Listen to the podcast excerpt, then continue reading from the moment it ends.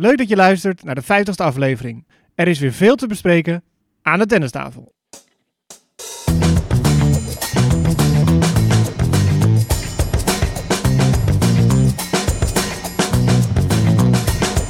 Please take your seats quickly, ladies and gentlemen. Thank you.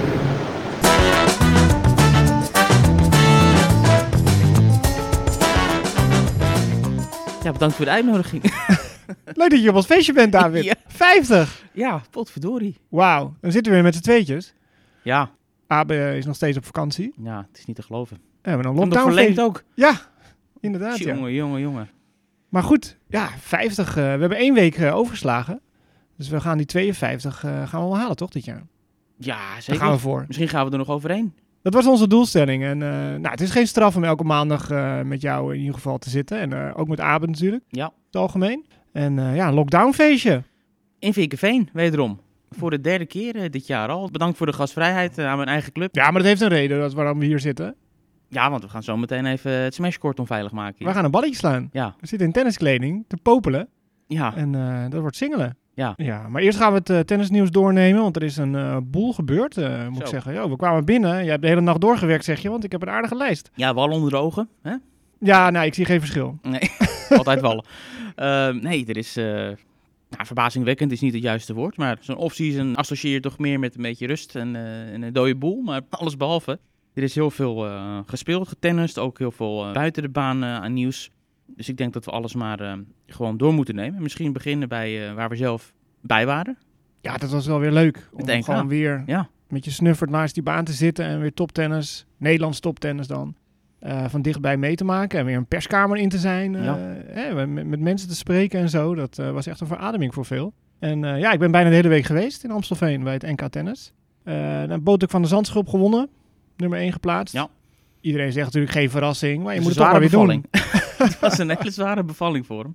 Ik ben er niet elke dag geweest, maar vrijdag, zaterdag, zondag, eindfase heb ik wel meegemaakt. En nou ja, om nu te zeggen dat hij even het veld heeft opgerold. Nee, hij, hij gebruikt dus anders. zelf de term opgelucht. Ja, voor hem is het natuurlijk wel iets anders. Hij trainde gewoon door de hele week. Dus hij wilde die, die wedstrijden gewoon spelen. Hij zegt, ja, ik kan beter deze eerste wedstrijden van het nieuwe seizoen in Nederland spelen... dan straks voor het eerst in Australië wat eh, oefenpotjes spelen. Die toch, ja, oefenpotjes toch wat anders dan als het er echt om gaat. Maar hij trainde gewoon door, dus hij was best wel vermoeid. En hij moest toch wat wedstrijdjes spelen. En teken tegen Jelle Sels in de halve finale, pittige pot. En Gijs Brouwer in de, in die finale drie sets. ja. Daarvoor ook al een drie-setter, of niet? Tegen Jelle Sels inderdaad. En daarvoor niet nog één? Eh, nee, volgens mij niet. Nee, nee, nee. Het was Guido Heijers, Ja. 6-3-3. En de eerste ronde was ook eh Dax Donders. Dax Mooie Donders, naam. Ja, fantastische naam. Ja. 7-6-6-1. Maar goed, je moet het maar even doen. En eh, zijn tweede titel, 2016, won hij ook. Toen, ja, eigenlijk heel verrassend. Won hij van Robin Haase in Ja. Rotterdam. En nu is hij de soort van Robin Haase. Want hij is de favoriet, nummer 1 geplaatst. En hij moet het maar even doen. En hij leverde. Ja, we hebben gekeken. Het was niet altijd eh, fantastisch, maar ja, de winst is winst. De beker is binnen. Ja, het, het was ook wel een snel baantje, zei hij. En heeft er ook wel Ja. moeite mee. En een lage stuit. Waar die andere spelers juist heel, eh, heel graag op spelen. Plus, dat gaf hij ook nog aan, want we spraken hem de afloop in een kleine, ja, het was niet eens echt een persconferentie, een soort eh, ro- rond de tafelgesprek. Ehm, hoe gretig de tegenstand eh, was. Hè? Dat, dat ze heel Ja. graag van hem willen winnen, Ja. omdat hij nu die status heeft, om mensen te laten zien. Dat is wel veranderd, Ja, zeg maar. dat is voor de eerste. Mensen hoor. willen van hem winnen. Ja. En doen dan een tandje extra of nemen misschien iets meer risico in hun spel. Want dat hebben ze nodig om van hem te winnen. En hij zegt, dat merkte ik wel enorm. Dus, dus dat, is een aanpassing voor hem. Ja, zeker. Plus, ja, er was geen publiek. Dus inderdaad, ja, er was een middenbaantje. En eh, ik sprak hem van de week eigenlijk wel veel uitgebreider. Was voor een andere podcast. En eh, Andere podcast. ja, sorry. nou ja, daar kom ik later nog wel even op terug. Maar hij houdt van publiek. Je zou zeggen van, het is Ja. een introverte hè, gozer. eh, met onder zijn petje, zei ik zo, weet je, zo naar beneden Ja. kijkend. Ik, maar hij vindt het mooi, zo'n zo'n groot stadion. Hij speelt ook het liefst eh, vroeger al op centercourt en niet eh, zoals Kiki Bertens op baan 24. Eh, dat zou je misschien hem niet eh, meegeven. Ja, in Amstelveen was geen publiek, dus dan eh, hoor je eigenlijk ook alles wat hij zegt. Kan vrij hard en cynisch naar zichzelf ook zijn. En eh, dan zitten we een beetje in de buurt van zijn coach, Peter Lucas. En dan krijg je een beetje mee wat, wat voor interactie zij hebben. En dat vind ik altijd wel mooi. En Lucas had het alleen maar over zijn voetenwerk. Goed bewogen, goed dit. Dus ik denk dat dat een aandachtspunt Goede was voor deze week. Goede energie. Dat dit eh, een aandachtspunt was voor deze week. Ja. Ja, was inderdaad leuk om dat allemaal eh, te volgen. Ik heb meerdere keren gehoord van, wat doe ik hier eigenlijk? dat zei hij ook elke keer. Ik wil weg. Ja, en volgens mij baalt hij. Het lijkt wel of hij baalt als de tegenstander een fout maakt. Of zo, van ik wil dat punt helemaal niet op deze manier krijgen of zo, weet je. Dat is jammer of zo, weet je. Dat, Ja. dat is natuurlijk niet zo, want eh, hoe minder punten je moet spelen, hoe lekker dat is natuurlijk richting die overwinning. Maar daar heb ik ook wel eens van, dat je tegenstander een volley mist. En denk ik, ja, shit, had hij eigenlijk wel moeten maken, Ja. weet je. Ik, ik verdien dat punt niet, maar goed. Hij vertrekt tweede kerstdag naar Australië. En dan een weekje Ja. eh, acclimatiseren en dan begint zijn eerste toernooi. Twee ATP-toernooien en dan eh Australian Open. En hij gaat geen gebruik maken van die eh, geregelde chartervlucht, hè, zei hij. Hij gaat gewoon zelf commercial vliegen. Zodat hij niet afhankelijk is van de tijdschema's van die vluchten die dus geregeld zijn vanuit Tennis Australia. Want iedereen weet ongetwijfeld nog Ja, dat het gedoe van vorig jaar. Dat al die spelers op bepaalde plekken op de wereld moesten verzamelen en dan in één vliegtuig. En dan waren het weer een paar die het virus hadden, waardoor het hele vliegtuig in quarantaine moest, eenmaal aangekomen in Melbourne. Ja, hij zat 15 dagen op zijn hotel. Moeten we niet vergeten. Hij Ja. zat 15 dagen vast op zijn hotelkamer toen. Ja. Het is nu wat soepeler, hè, zei hij, de regels. Nog een beetje onduidelijk. In het begin was het dat ze 72 uur eh, toch in quarantaine moesten. Maar dat schijnt nu weer geschrapt te zijn. Ja, en het meest opmerkelijk was eh, wat hij zei over als er iemand op je vlucht positief test na afloop. Dan is het een beetje afhankelijk van waar jouw stoel was ten opzichte van diegene die Ja. positief test. Als je dan drie rijen verder zit, dan is het oké. Terwijl Ja. vorig jaar was het zo, als er één iemand op die vlucht eh, positief was, dan hele vliegtuig meteen de sjaak. Ja, dus dat hebben ze wel beter ingericht. Maar ja, ik, ik heb geen idee hoe het werkt in zo'n vliegtuig. Maar toen waren de stewardessen volgens mij eh, positief. Dus ja. Ja. en die lopen natuurlijk door het hele vliegtuig. maar goed. Eh, nou, bij de vrouwen hebben we natuurlijk ook een winnares. Ook de nummer 1 geplaatst. Lamens, Suzanne Lament. Ja, nou ja, dat schema bij de vrouwen, dat, ja, de top van Nederland, zeg maar, die deden niet mee. Eh Lament is nummer 6 van Nederland. Maar eh ja, Leslie Kerkhovers, Indy de Vrome, Riesje Hogekamp, Ranske Rus waren er niet. Maar goed, dat zal haar een eh, zorg zijn. Eh, ik bedoel, ze, haar naam staat voor het eerst op de beker. En eh, over een aantal jaar weet niemand meer wie er wel en niet meededen. Dat zei ze ook heel eerlijk na afloop. En ik sprak haar eventjes. Leuke meid, vol energie. Na elk punt ook echt een vuistje richting coach. Ze zegt, ja, dat, als ik dat niet doe, dan ben ik mezelf niet. Dus dat heeft ze echt nodig. Ze won in de finale vrij, vrij makkelijk van Stephanie Fischer. Die een ja, wel een zwaar toernooi had, veel drie-setters. Dus die was misschien wat vermoeid. En ja, staat rond 300 geloof ik op de wereldranglijst, Suzanne Lamens. En haar doel is om eh, kwalificatie voor Roland Garros te halen komend jaar. Eh, ja, de slagen zijn verzorgd. Ze is niet al te groot. Ja, ze heeft niet echt zwakke plekken, maar ook niet wapens of iets dergelijks. Ze is ook niet bijzonder snel of bijzonder vast. Of, ja, het is, het is gemiddeld goed. Ik weet Ja. niet goed of dat top 100 materiaal gaat worden. Maar goed, we zijn wel eerder verbaasd. Ja, Op zich een goed eh, seizoen. Ze is een tijdje geblesseerd geweest. Eh, ze is wel weer gestegen. Heeft het eerste toernooi, internationaal toernooi gewonnen. Zit bij Martin van der Brugge. Die Kiki Bertens heeft opgeleid. Ja, daar wordt ze altijd mee vergeleken. Omdat ze ja, blond haar bij Martin van der Brugge. Ja, en ja. Rode rijdt. Maar ja, dat slaat helemaal nergens op. Want Ja, we hebben haar heel- nog gezien hè, eerder dit jaar. We hadden een keer een podcastopname daar bij die eh, club van Kiki. Ja. En daar was hij aan het trainen op dat moment. Ik vind Martin van der Brugge wel echt een ambachtsman. Die leeft, die ademt helemaal tennis. En, en geen poespas eromheen. En die is, ja, vind ik wel een goede trainer. Maar ja, goed, eh, ze is 22. Dus niet heel jong. Maar ja, is ook nog wel weer Nou een ja, carrière voor haar. tennis wel jong. Ja, daarom. Dus dat, eh, dat gaan we volgen volgend jaar. Ja, ja, die de Groot gewonnen. Ja, kan je invullen. ja, die heeft natuurlijk alle alles gewonnen wat je voor, de rest, ja. Ja, maar dat is ook wel weer flauw naar haar toe. Ik, ik sprak haar ook uitgebreid. En ze zegt, ja, als ik verlies is het nieuws. Als ik win is het geen nieuws. En dat moet je wel gemotiveerd houden. Dus die motivatie moet echt, als je zo'n wereldtopper bent kennelijk, uit jezelf komen. Nou, dat zal Novak Djokovic natuurlijk ook helemaal moeten voelen. Nou, dat hoort bij, eh, bij als je een topper bent, als je de nummer 1 bent en ongenaakbaar. Ja, dan is het niet bijzonder dat je wint. Nee, precies. Of als je achter staat, dan komen er opeens allemaal mensen kijken. Ja, Terwijl als je voor staat, lopen ze weg. ja. Bij wijze van spreken. Dus dat lijkt me ook wel heel erg moeilijk om mee om te gaan. de luxe positie waar we het over hebben. Ja, nee, dat is ook wel weer zo. Dus eh, nou, dat was het blokje Nederlands. Laten we denk ik naar de internationaal tennis gaan. Zullen we naar het Verre Oosten? Voordat we naar het Midden-Oosten gaan? Ja, is goed. Mevrouw Pom, Ja, bizar. de saga. Nou, die heeft een soort van plot twist gekregen. Ik eh, weet eigenlijk niet meer zo goed wat waar is, wat niet waar is.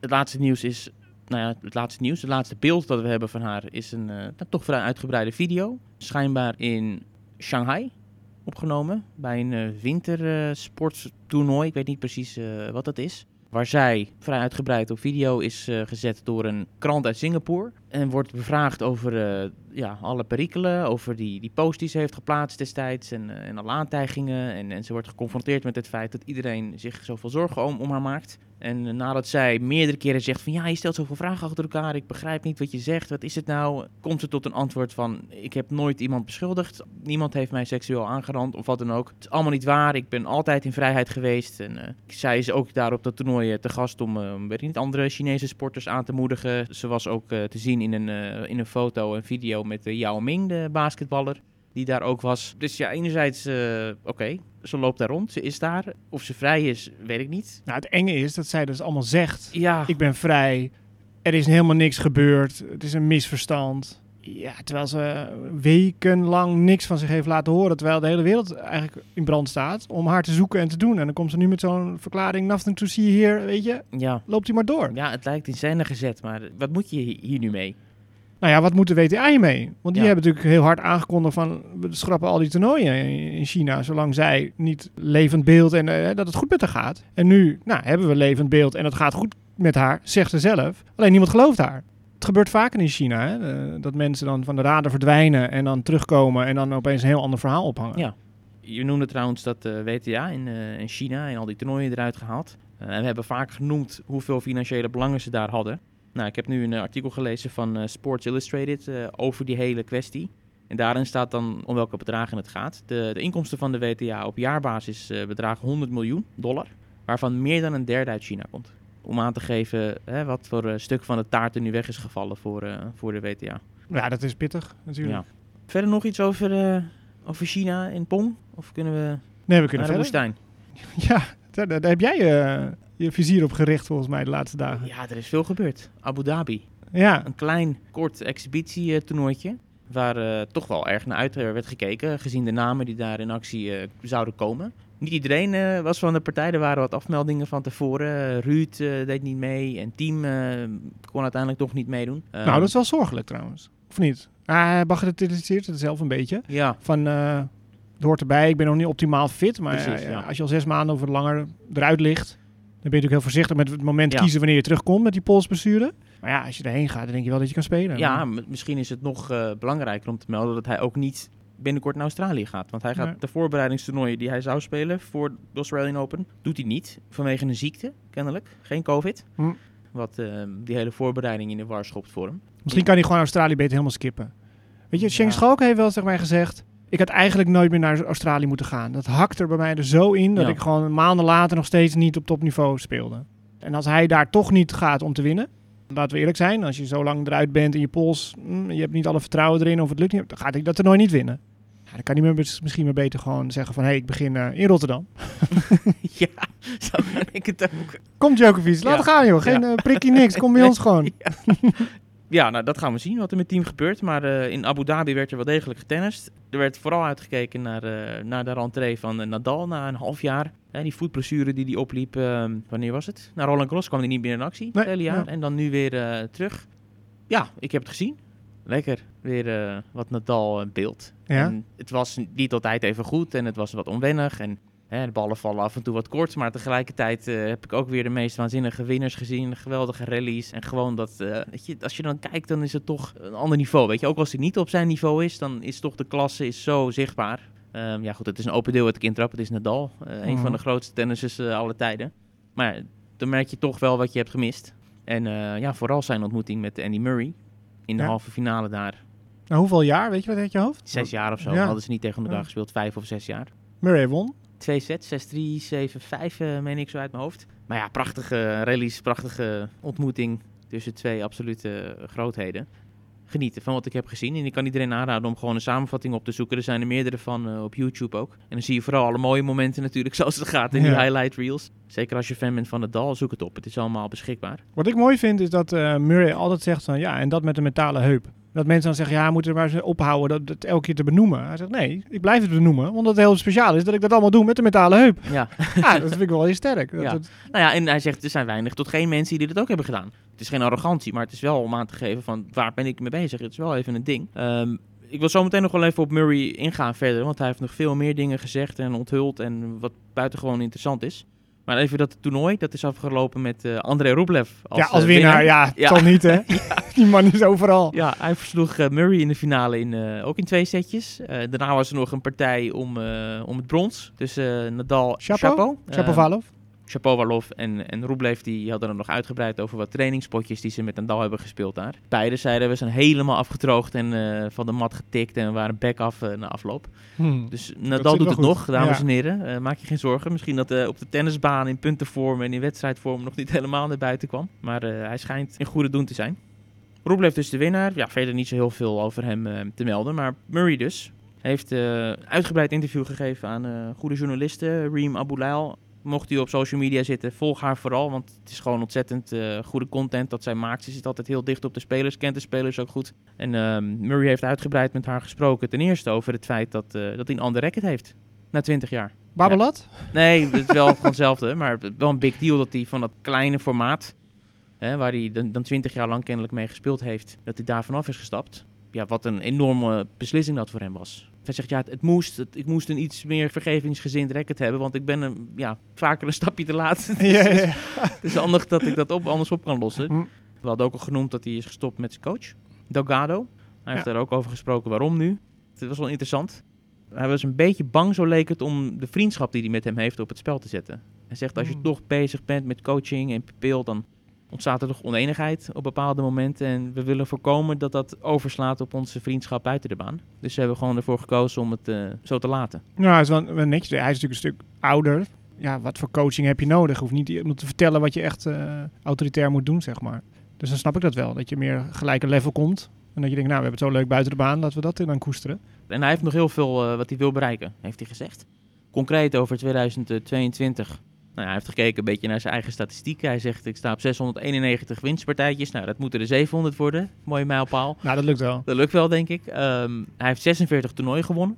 Hij wilde 50 eind 2022, dus vier toernooizeges. Dus wel een, Oeh. ja, dat is wel stevig. Ja. En, en hij hoopt op een, eh, op een sprookjesachtig verhaal op de Grand Slams. Dat hij ergens echt ver komt. Hij zei, ik, ik zou het leuk vinden als een beetje het gesprek dan gevoerd wordt van... kan die nog een keer? En eh, Ja. lukt het er nog om een keer een Grand Slam te winnen? Dus dat is wel grappig dat hij dat zo letterlijk zei. Ik, ik hoop op een sprookje op Zoals Slams. Sampras, US Open winnen en daarna gewoon je rackets aan de wil gehangen. Ja, Ja, het kan natuurlijk, maar... Nou, ik vond het wel mooi wat ik zag van Murray dit jaar. Dat hij de rallies korter wilde houden dan vroeger. En dan zie je pas hoeveel talenten die ook heeft. Een paar balletjes wegleggen of volleys. Of dat hij toch nog zich kan ontwikkelen daarin. heeft ongelofelijke handjes. Ja. Ja. en dat zou je misschien niet zeggen als je denkt, het is een werktennisser, links, rechts en een hele fantastische topspin lob. Maar hij heeft echt handjes ook bij het Ja. net en eh, de stopvolleys en eh dropshots. En viel ook op trouwens eh, tegen Nadal in Abu Dhabi dat hij echt dicht bij die baseline bleef. Echt eh, Ja. aanvallend en eh, winners proberen te slaan. eh, veel langs de lijn met die backhand. Dus misschien Dus is het dat... was vroeger altijd een keuze om die Ja. lange rally aan te gaan, weet je, ja, tactisch gezien. dat leidt alleen maar tot de mentale heupen, dames en heren. Dus Doe het niet. nee, doe het niet. Gewoon aanvallen. Maar we gaan het zien straks als ik tegen jou mag spelen. ja, oh, maak je geen zorgen hoor. ik sta altijd voor de baseline. Oh ja, ja. Er was nog meer over Murray. Ja, wordt het niet eh, te lang eh, nee, maar Murray? het is echt eh, interessant, weet je. Ik had het niet genoemd als het niet boeiend zou zijn. Hij zei dat hij een Australian Open titel verdient. Had er eigenlijk wel in moeten hebben, zegt Ja, hij. het afscheid heeft hij al gekregen. Ja, Drie jaar geleden of zo. hij heeft vijf keer de finale gespeeld daar en Ja. keer gewonnen. Ja. Ja, het was natuurlijk het verhaal dat hij heel lang Ja. voordat hij zijn eerste slam won, dat hij hoeveel finales wel niet had gespeeld, ja, inderdaad. Ehm, het is nog helemaal niet zeker trouwens dat hij Australian Open kan spelen. Want hij komt er niet rechtstreeks in. Hij hoopt op een wildcard. Oeh. Het zal wel goed komen als vijfvoudig eh, finalist, maar op papier... Anders gaat hij gewoon quali spelen. Ja, dat zei hij. Hij Ja. zei, ik ben niet te trots om uh, kwalies te spelen als het moet. Tim van Rijthoven zo eerste ronde tegen Murray in de Ja. kwalificatie. Ja. Nou, mooi. nee, dat zal niet gebeuren. Dat was Murray. Nadal. Ja. Is hij onzeker voor Australië? Las ik dat ergens? Ja. Dat zei, vond ik niet wel, eh, ja, vond ik wel verrassend. Ja, hij gaat het even bespreken met zijn team. Of hij of die het gaat doen. Dus dat is interessant. Want Ja. we hadden hem eigenlijk al eh, gewoon hè, erbij gerekend. En ik denk dat ze in Australië bij de toernooidirectie ook een beetje geschrokken zijn van de Ja, opmerking. Stel je voor, hè, je, Djokovic eh, gaat niet en Nadal meldt zich af. Ja. Verder had het ook nog over Roger. Ik spreek Roger regelmatig. Ik weet precies hoe het met hem gaat. Ik heb een hele goede relatie. Ik weet ook wat zijn plannen zijn voor de rand. Ja, dat heb maar ik gehoord, ja. is niet aan mij om, eh, om te delen. En over Djokovic eh, was ook nog wel grappig. Hij werd geconfronteerd met die GOAT-discussie een beetje. Hoe dat ervoor staat. Nadal zei wel, hè, Djokovic staat er natuurlijk het beste voor nu. Hij heeft altijd doorgespeeld, terwijl Roger en ik, eh, ja, die lagen in de lappenmand. Dus laten we nog even wachten, zei hij wel. Ja, ja, ja. Voordat we conclusies trekken. ja. Maar ja, hij voelt erbij ook wel hangen natuurlijk. Dat hij voorbij gestreefd wordt. Maar misschien heeft hij nog vol vertrouwen in een, in een sterke comeback. Nee, ja, natuurlijk, daar is je sportman genoeg voor. En hij heeft vaker met het eh bijltje gehakt. Hè? Terugkomen van een moeilijke, moeilijke tijd en meteen weer er staan. Ja. Als iemand het kan, is hij het wel. Nou ja, en, en hij zei ook wel, ik kom terug, niet voor het geld. Oké, dat is logisch dat hij dat zegt, dat zeggen ze allemaal. Onterecht. Hij play Eh, voor. Ja, dat was maar hij zei ook niet dat hij doet voor de lol. Waar dan? Hij zei, ik doe het puur omdat ik gewoon doelen heb die ik wil bereiken. Oké. Anders had ik het niet gedaan. Ja. Abu Dhabi, zijn we daar klaar mee? Ja, Jabeur had nog een damespotje gewonnen van Bencic. Zij viel in voor Raducanu. Nou, waarvan akte? Ja, Raducanu COVID, hè? Ja, Die kon niet meedoen. nee. Ja. Die was bombastisch daar aangekondigd als eh, de grote nieuwe held die dat exhibitietoernooitje ging spelen. Ja. Maar Jabeur viel in en won van Bencic. Over Raducanu trouwens, hebben wij het gisteren nog even over gehad. Oh ja? Weet je dat nog? Nee? In combinatie met, Met? eh, met het NK, gek genoeg nog. En de KNLTB. En hè, we hadden het over eh, het effect van, eh, van succes Oh, van, ja. eh, van je toppers op de breedte sport. En ja, want was, nou? Ja, was in Engeland hadden ze precies. onderzoek gedaan. Sinds de US Open winst van Raducanu is het aantal leden en aantal tennissers in Engeland significant booming. ja. In de maanden direct na haar US Open overwinning zijn de cijfers echt de pan uitgerezen in Groot-Brittannië. Wat nieuwe leden en extra tennissers aangaat. Dat lijkt allemaal zo logisch, hè? Maar wat horen wij nou steeds van de KNLTB? Die doen onderzoek en die zeggen dat is helemaal niet zo. Toen Krajicek Wimbledon won, ging niemand meer tennissen of Verkerk of Kiki het zo goed deed. Ja, je zou het wel nou? gevoelsmatig zeggen, daar geloof ik helemaal niks van. Nee. Weet je, dat toen de damesvoetbal zo goed deden, gingen al die meisjes misschien ook eerder op voetbal, met handbal of volleybal of whatever. Maar ja, ze onderzoeken dat. Ja, de NOC en NOSF onderzoekt dat en het schijnt niet zo te zijn. Iedereen gaat toch nu karten, toch? weet ik ik denk dat de kartbaan vol... Nou ja, dat mag er misschien nu niet, maar om iedereen rijdt rondjes aan de max. Ja, het lijkt mij ook logisch. Misschien met Botik en Tellen eh komend Boegbeelden. jaar. Boegbeelden, ja. Nou ja, we hadden het over, over Nadal. Hij heeft wel een eh, prijs gewonnen.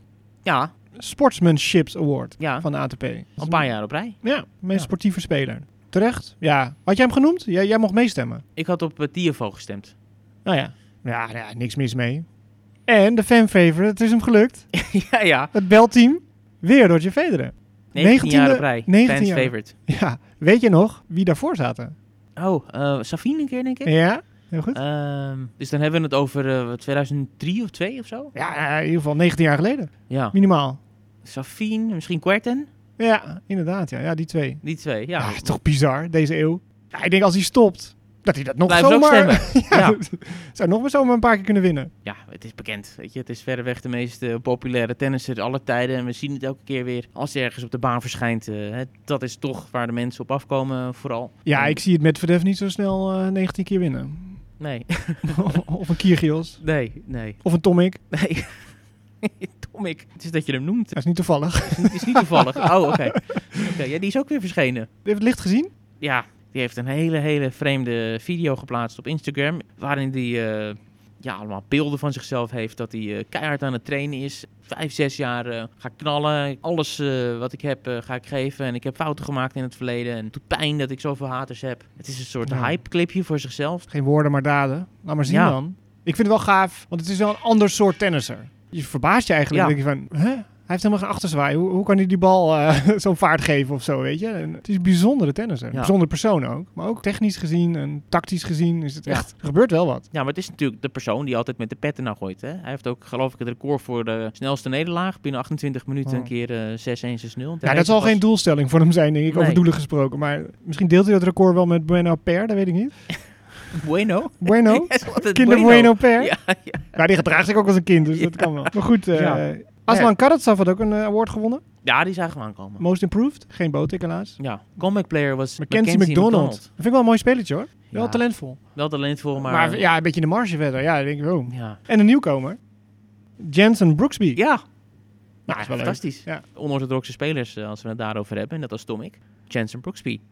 Geen Ja, Alcaraz dus. Nee, nee. Ja. Nou ja, kan ik niet meer serieus nemen dan, hè, als ik Alcaraz hem niet wint.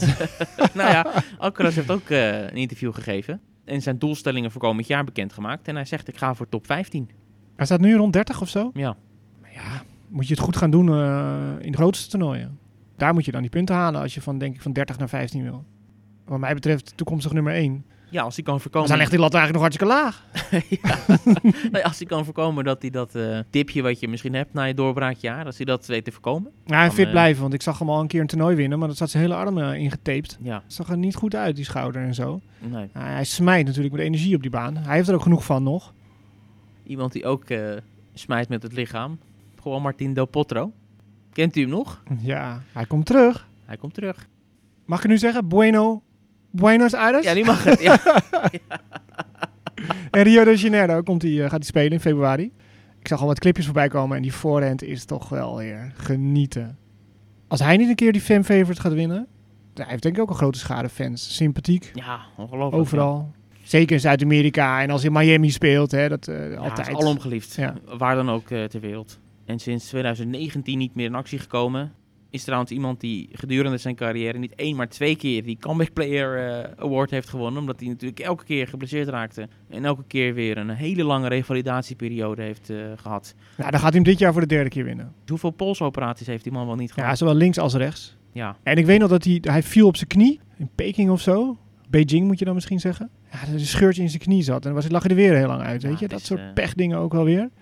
Nou, hopelijk wordt dat een succesvolle rentree. In februari pas, maar dat gaan we allemaal in de gaten houden. Als we de lappenmand toch te pakken hebben. Karolina Pliskova in Ja, het gips. was gevallen in de training of ja, zo. dat zei ze. Ja, gaat niet naar Australië. Nee. Zou het een excuus zijn? Ik begrijp voor- ja, weet ja, je, dat is je misschien gaat nu ook- in de ja, complottheorie precies, meteen. ja. Dat, dat mensen eh, die geen vaccinatie hebben, Ja. daar niet vooruit willen Ja, komen. maar om dan zo'n hele gipsen manchet aan te meten, dat is Ja, misschien ook wat over te Kleine moeite. Een Chinees gips. ja. Vertrouwen voor gemeten. Ja, nee, nee, dus die dat, eh, eh, doet niet mee. nee, maar Jennifer Brady ook niet. Nee. Dat is finalist vorig jaar. Weet u nog wie het is? Jennifer Brady? Ja, ja, precies. Uit het niets haalden ze die finale. En nou, we Maar misten ook. Australian Open eh, komend jaar. Ja. Nou, we we gaan misschien van de hak op de tak. De luisteraar weet niet beter. eh, ja, van dat is wel zo. Jannik Singer. Singer. Zinger. ja, daar is hij weer. Euro Ik Sing- Zinger. Songfestival in Rotterdam. Ja, was gisteren trouwens, hè? Eurovisie Songfestival voor de junioren. Oh, deed hij mee? Gewonnen door Armenië, Oh, dames en heren. Ja, ja. Gefeliciteerd. Dankjewel. Groot feest. Waar was Nou, we wisten het ook niet door. We zetten toevallig de tv Oh. aan. En, eh, en we kwamen binnen bij de, bij de puntenuitreiking. was in eh, Parijs. Oké. Parijs. Dus eh, Armenië. En songs in het Armeens of songs in het eh, eh, Engels? 50-50.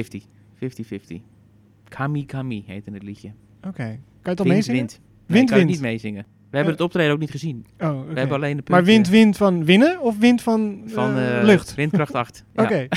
Zat wind mee? Ja, ik was helemaal niet van plan om het ter sprake te brengen, maar jij komt ineens met Eurovisie. Ja, eh, ik verspreek me gewoon altijd met die namen. Ja. Ja, ja Jannik Sinner. Sorry, sorry, Ja. sorry mensen. Maar die ko- komt naar Rotterdam, aangekondigd. Ja. Als het toernooi doorgaat. Ja, ik wil bijna zeggen wie niet.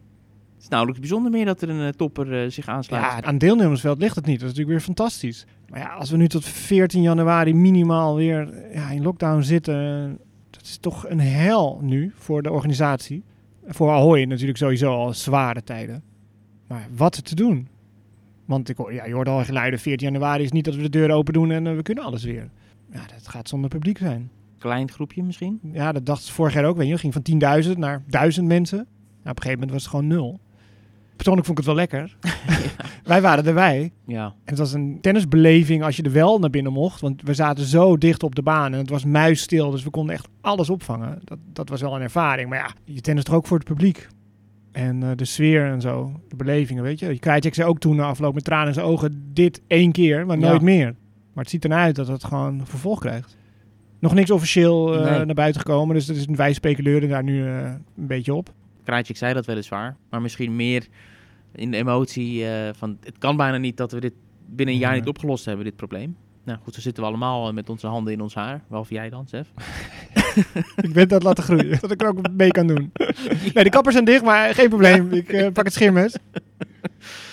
Ja, Ja, maar hetzelfde geldt voor... Kijk, we hebben natuurlijk Rotterdam, hebben we dan eh, begin februari. Dan hebben we begin maart hebben we Davis Cup thuis. Eindelijk weer, na vijf jaar. Ja. Maar ja, wat, welke locatie? Wat te doen? Hoeveel mensen? Nou, in april hebben we dan eh, de Billie Jean King Cup tegen Spanje. Thuis. Fantastisch. Daar ga je misschien wel vanuit, dat het kan buiten, dat we daar wel wat publiek bij zijn. Maar dat zijn enorm lastige tijden. Ja, het is jammer. Het zijn zulke mooie showcases voor tennis in Nederland. Dat dat dan eh, voorbij Ja. zou gaan eh, zonder publiek.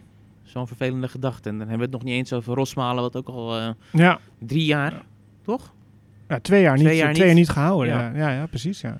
En het is gewoon, gewoon, gewoon inkomsten natuurlijk. Hè? Als, eh, als je 15.000 bezoekers hebt per sessie, je hebt twee sessies op een dag. Je, je weet ongeveer wat een kaartje kost. Ga maar na. Rosmalen staat op de kalender, hè, trouwens, die uit Ja. is gekomen. Ja, ja, Dus- ABN, alles ook. Het eerste half jaar hebben ze Ja, eerst half jaar doen ja. ze. En dan Ja. eh, zien we wel eh, hoe de wereld ervoor staat.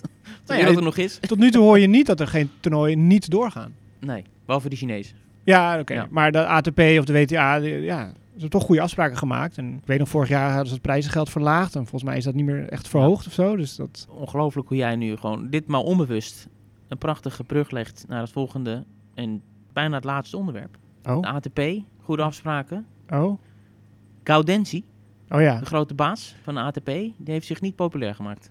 Nou ja, bij wie niet? Jij was wel... Staat aardig op zijn trein, volgens mij. Nou, eh, ja, hoe moet ik dit formuleren? Laten we eerst even zeggen wat Gaudenzi eh, heeft gezegd. Die In heeft het Nederlands, zeg je het. In een interview... Daar zei het niet in het Nederlands.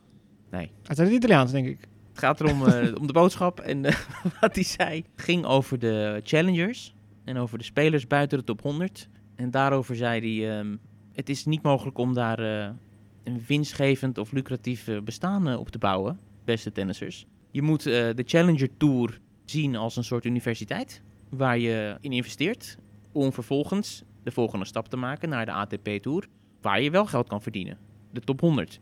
Als je er buiten staat, ja, dan, dan kan je break-even draaien. Maar dat is het dan ook. Deal with it. Dat was een beetje de boodschap. Het is nu eenmaal zo dat eh, de fans niet gek veel kan boeien. Jullie wedstrijden, jullie toernooien. Om over tv nog maar te zwijgen. Dus je kan niet verwachten dat daar enorme bedragen in omgaan. En dat jullie enorme bedragen kunnen verdienen bij die evenementen.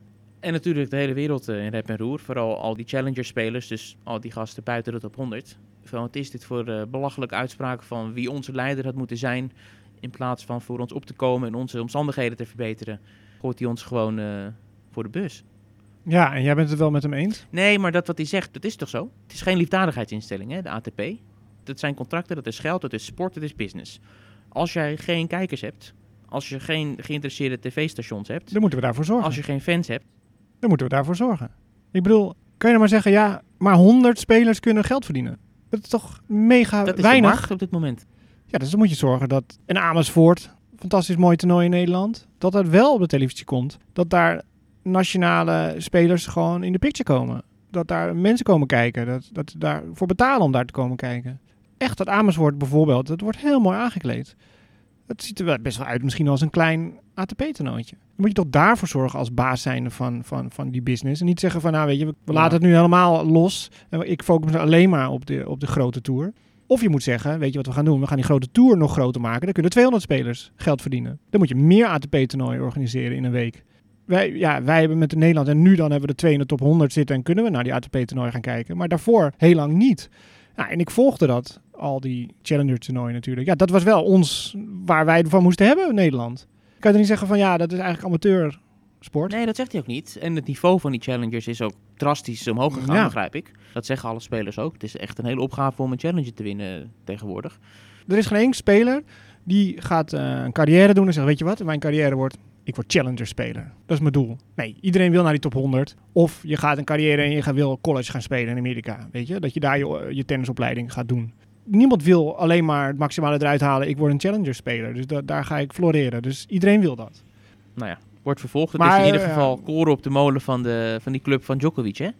Die met die spelersvakbond bezig is. De PTPA. Ja, Die krijgen ja, nu ja misschien nog meer ons. aanhang. Kom bij ons. Ze schijnen al meer dan 80% van de top 500 achter zich te hebben. Dus misschien dat die nog echt eh, stappen gaan maken binnenkort. En de ATP echt in het nauw eh, kunnen brengen. Oké, nou dat eh, blijven we volgen dan. Ja, ik heb mijn lijstje nieuws eigenlijk wel afgewerkt. Bericht. Wat is In- dit? Abe? Ja, eh potverdorie. We krijgen gewoon een, een berichtje van Abe. Ja, weet natuurlijk ook dat dit de jubileum uitzending is geweest. De Natuurlijk. vijftigste. Nou, dat moet eh, een afscheidsboodschap. Nou, niet een afscheidsboodschap, maar een... eh, een afscheidsboodschap voor deze podcast, wilde ik zeggen. Ik, zal, ik zie zo'n fles voor me met zo'n Ja. brief erin. Ja, ja het, is een, Afscheidsbrief. het is een audiobericht, dus het kan alsnog. Vanaf zijn vakantiebestemming. Nou ja, laten we maar eh, gaan luisteren. Namens Stefan en mij eh, bedankt voor deze keer. En eh, Abe, take it away. Hallo allemaal, daar ben ik weer eens een keer. Ja, ik voel me eigenlijk een beetje schuldig dat ik nu dit bericht inspreek. Want ik ben al een tijd aan het eh, genieten van een hele mooie reis door eh, Centraal-Amerika, Panama en Costa Rica. Eind november vertrokken. De feestdagen komen eraan. Ik blijf er nog tot de jaarwisseling hangen ook. En ja, ik zeg ik voel me schuldig, want ik weet natuurlijk dat in eh, Nederland de situatie allesbehalve ideaal is. Normaal gesproken is dat alleen al met het weer zo. Dat is ook de reden dat ik vaak zelf kies voor dit soort eh, zomerse vakanties in december. Er wordt ondertussen nu een biertje voor mij neergezet. Gracias. No, no. Gracias. ik hoefde daar geen glas bij, want dit is een, eh, beetje een soort corona biertje. Modelo heet dat. Het komt uit Mexico. Maar goed, ja, dan ben ik jullie toch weer lekker aan het maken met allerlei eh, zaken. Dus terwijl ik in het verhaal zat, dat ehm, ik eh, eigenlijk steun moet uitspreken aan jullie allemaal in Nederland met de pandemie. Die natuurlijk weer tot harde maatregelen heeft geleid vanuit de overheid. En ja, ik leef hier in een wondere wereld op dit moment. Ik zit aan het water in Costa Rica, in uh, Tortuguero. Een mooi park, nationaal park. Aan ene kant aan het Caribische deel de Caribische Zee, het strand. En aan de andere kant ook een uh, prachtig natuurgebied, andere wateren. Dus ja, ik vermaak mij hier prima. En ik uh, probeer natuurlijk wel het tennisnieuws een beetje te volgen her en der. Maar ik uh, geniet ook vooral van een vakantie. En dat doen jullie helaas niet, Stefan en David. Ik richt me even tot jullie. Jullie gaan mooi stoïcijns door met deze podcast. Daar zijn hopelijk heel veel mensen blij mee. Tot de luisteraars richt ik mij met te zeggen: geniet nog verder van de tennistafel. Zonder mij misschien juist wel extra fijn dat ik er niet bij ben deze weken. Ik ben er in het uh, nieuwe jaar weer. En tot die tijd heel veel plezier, fijne jaarwisseling, fijne kerst. Veel sterkte in deze coronatijd. Ik uh, ga mijn biertje hier optillen. Hopelijk blijven de meeste van jullie allemaal gezond. En ja, blijf veilig ook in deze lastige tijd. Gelukkig nieuwjaar alvast en tot gauw weer.